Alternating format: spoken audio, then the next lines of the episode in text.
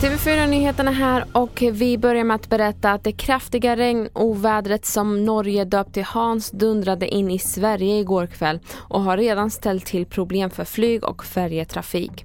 SOS Alarm har fått in flera samtal om översvämningar i källare och på flera håll i landet har räddningstjänsten höjt sin beredskap för översvämningar.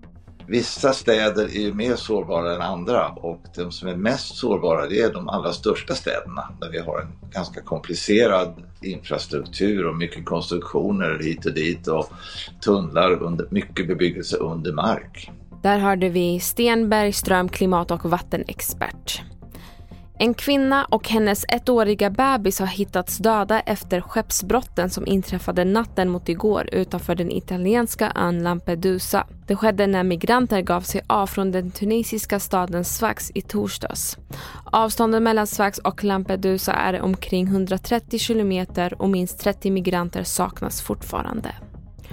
Och vi avslutar med att berätta att regnovädret har ännu inte stått i vägen för Medeltidsveckan. Den historiska festivalen på Gotland som är den största i sitt slag i Sverige och som dessutom firar 40-årsjubileum.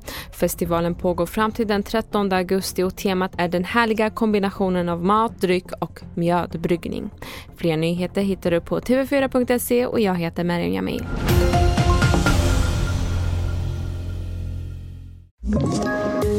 Poddtips från Podplay.